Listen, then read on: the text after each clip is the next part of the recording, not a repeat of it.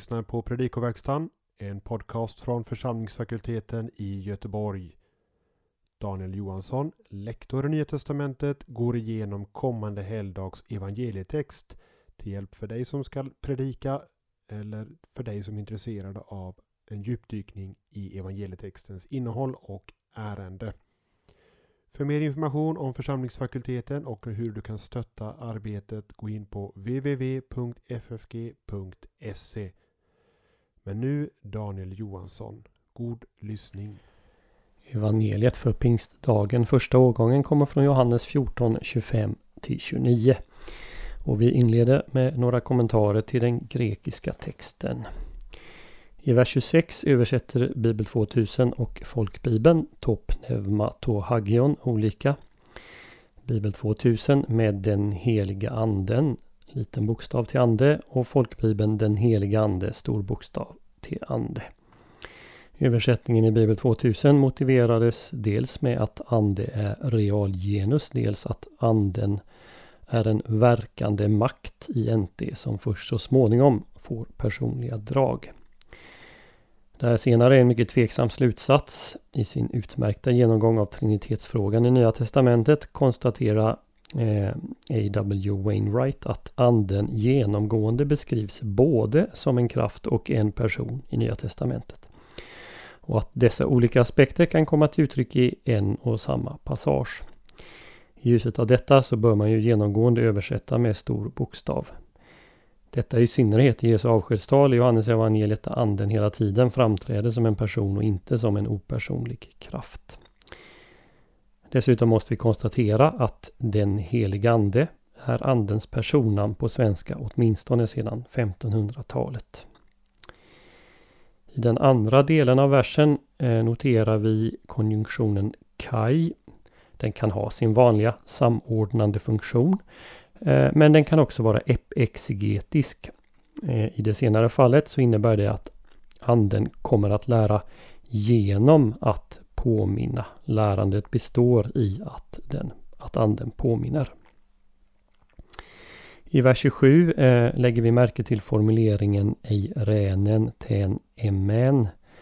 Substantivet saknar artikel medan det efterföljande attributiva adjektivet emen har artikel. I normalfallet gäller för den attributiva användningen att både substantiv och adjektiv har artikel när adjektivet följer substantivet eller att båda saknar artikel. Men eftersom det senare är tvetydigt och också kan översättas predikativt eh, har ett adjektiv som följer på substantiv eh, som saknar artikel. Då har adjektiven ofta en artikel för att markera att adjektivet är attributivt. Och så är fallet här. O kathos eh, inleder troligen en jämförande sats som är negerad. Inte så som, inte på det sätt som. Så översätter både Bibel 2000 och Folkbibeln. Men man kan också ta eh, kathos i meningen pojos och översätta inte av det slaget som. I vers 27 noterar vi också att Bibel 2000 utlämnar hjärtat i satsen med taras esto och hymin hekardia. Låt inte era hjärtan oroas. hjärtat står i singularis men eftersom det bestäms av hymon, era, måste vi ta det i distributiv mening och översätta i flertal, era hjärtan. Så går vi till vers 28. Ej Egapate med Echarte an är en andra klassens konditionalsats.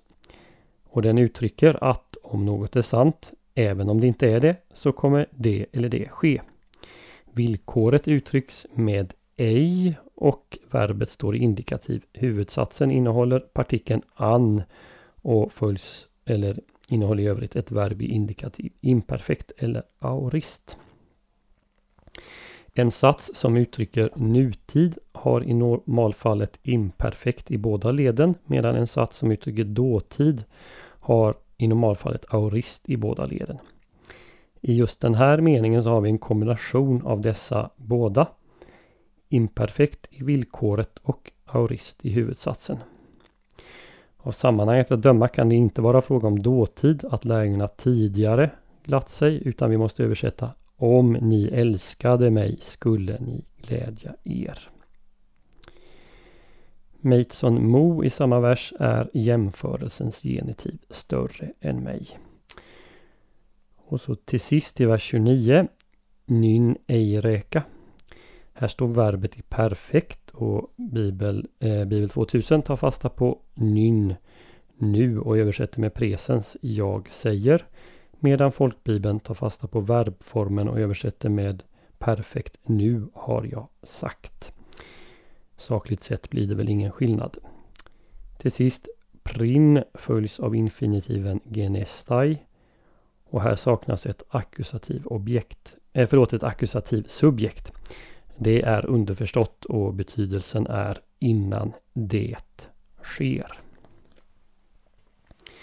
Pingstdagens evangelium utgöres av det andra av fem avsnitt i Jesu avskedstal som tar upp parakleten, den helige Ande. Två andra avsnitt, det fjärde och det tredje, har utgjort evangelium på femte söndagen eh, i påsktiden respektive söndagen före pingst. Så för en diskussion av begreppet parakleten hänvisar jag till femte söndagen i påsktiden. Den aspekt som betonas i detta avsnitt är parakleten som uttolkaren. Vi kan dela upp läsningen i två delar.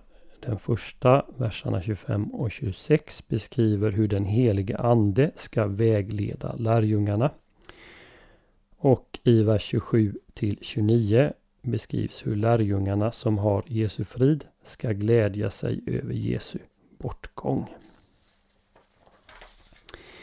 Formuleringen som inleder vers 25, detta har jag talat till er medan jag är kvar hos er, indikerar att Jesus håller på att avsluta sitt tal till lärjungarna. Orden detta har jag talat till er återkommer inte mindre än sex gånger i de följande kapitlerna. I bland annat 15, 11 och 16, 1. Ett liknande sätt att uttrycka sig finns i till exempel profeten Hesekiels bok Eh, man kan notera 5.13 och 5.15, 5.17 och även från kapitel 17, verserna 21 och 24.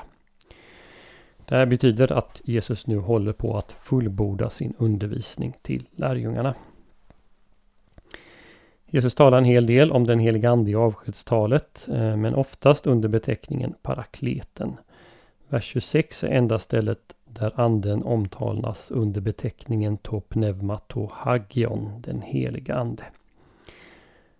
Den beteckningen eh, förekommer dock i början och i slutet av evangeliet och tycks bilda en slags inklusio. Vi finner den i 1.33 och i 20.22. I båda fallen dock utan bestämd artikel. Termen den helige Ande förekommer enstaka gånger i Gamla Testamentet. Se till exempel Psaltaren 51.13 och Jesaja 63 9-10.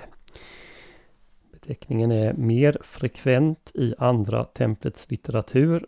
Exempel är Salomos vishet 9.17, Salomos psalmer 17.37 och Salomos Oden 14.8. Eh, Uttrycket används för övrigt fem gånger hos Matteus, fyra hos Markus, 13 i Lukas evangeliet och sedan mer frekvent i Apostlagärningarna och Paulus brev. Här i vers 26 framhävs två aspekter. Fadern sänder anden i Jesu namn, en koncentrerad trinitarisk formulering. I Johannes evangeliet är Jesus den som är sänd av Fadern, 9, 4 och 7. Jesus är den som sänder sina lärjungar 17, 18 och 20, 21. Och här sänder Fadern anden medan i 1526 är det Jesus som sänder anden som utgår från Fadern. Man kan sammanfatta det här mönstret på följande sätt. Fadern är aldrig sänd, han sänder både sonen och anden. Sonen är både sänd av Fadern och den som sänder anden och lärjungarna.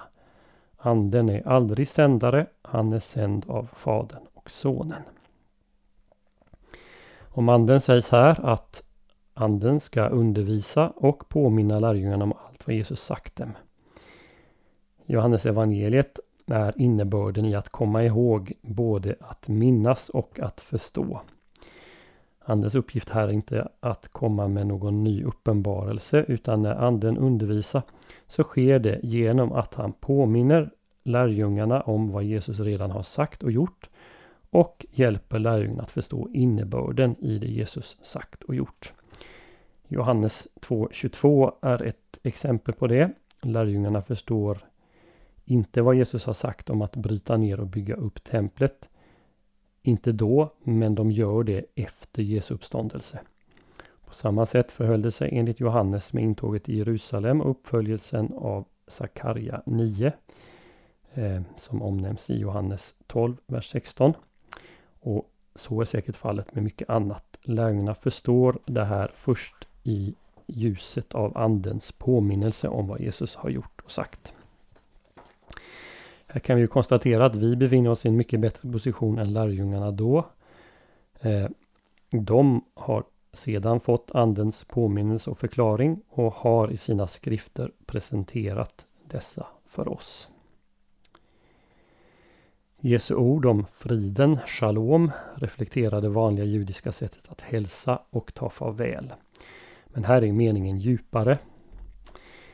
Världens frid tog avse hur människor i allmänhet hälsar. Jesus avser inte Pax Romana, den romerska freden, en frid eller fred som upprätthålls genom våld. Inte heller en förväntad messiansk fred som skulle upprättas genom ett ännu starkare svärd än det romerska. Och inte heller den falska frid som utlovats av falska profeter. Till exempel Jeremia 6.13-15. Utan Jesus tog avse profeternas löften om frid, att de nu går i uppfyllelse. Jesaja 9.67, Jesaja 52.7, Hesekiel 37.26. Det är frågan om en Guds frid som övergår allt förstånd så som Paulus formulerade i Filipperbrevet 4.7. Det är en frid som präglas av kärlek, en frid som ger förtröstan och lugn och som uppstår genom förtröstan på Gud och i gemenskapen med honom. Den som har denna frid behöver inte oroas och vara modlös. Notera att Jesus hälsar lärjungarna med denna frid eh, sedan han har uppstått i 2019. Jesu ord eh, när han säger om ni älskade mig. Notera här för, övrigen, för övrigt kopplingen till Jesu frågor till Petrus i kapitel 21. Eh, men Jesu ord här, om ni älskade mig, det förutsätter att lärjungarna ännu inte älskar Jesus. De tror kanske att de gör det, men de är mer fokuserade på sig själva. Liksom fruktan är mer fokuserad på sig själv än på Gud. Jesu egen stora kärlek och längtan är Fadern och därför fylls han av glädje när han tänker på att återvända till Fadern. Om lärjungarna älskade Jesus så skulle de vilja det som vore bäst för honom. Till sist några ord om de orden som avslutar vers 28. Fadern är större än jag. Arius och många av hans efterföljare under 2000 år har tagit dessa bevis eh, eller dessa ord som bevis för att Jesus inte skulle vara gudomlig. En sån uppfattning är ju inte kompatibel med andra uttalanden i evangeliet där sonen är ett med Gud och samtidigt åtskild från Gud. Ni kan tänka på kapitel 1, verserna 1 18, 8, 58, 10, 30. Genom kyrkans historia har det funnits två huvudsakliga sätt att förstå den här versen eh, för att samtidigt göra rättvisa åt den enhet som evangeliet eh, slår fast finns mellan Jesus och Gud. En del menar att versen i sitt sammanhang har sitt fokus på Jesu historiska uppdrag och sändning. Fadern är större än sonen därför att han är källan och målet för Jesu uppdrag i världen. Så här tänker sig många moderna exegeter eh, eh förklaringen till denna spänning. En variant på denna det är att fadern är större än sonen när det gäller sonens inkarnerade ställning. Gud är ju större än en människa. En forntida företrädare för denna uppfattning är Augustinus. En andra förklaring fokuserar mer på relationerna inom gudomen. Fadern är källan, inte bara när det gäller sonens inkarnation och uppdrag utan också när det gäller sonens eviga ställning som son. Fadern är större än sonen i det avseendet att han är ursprunget till sonen. Han är ju den som fött sonen.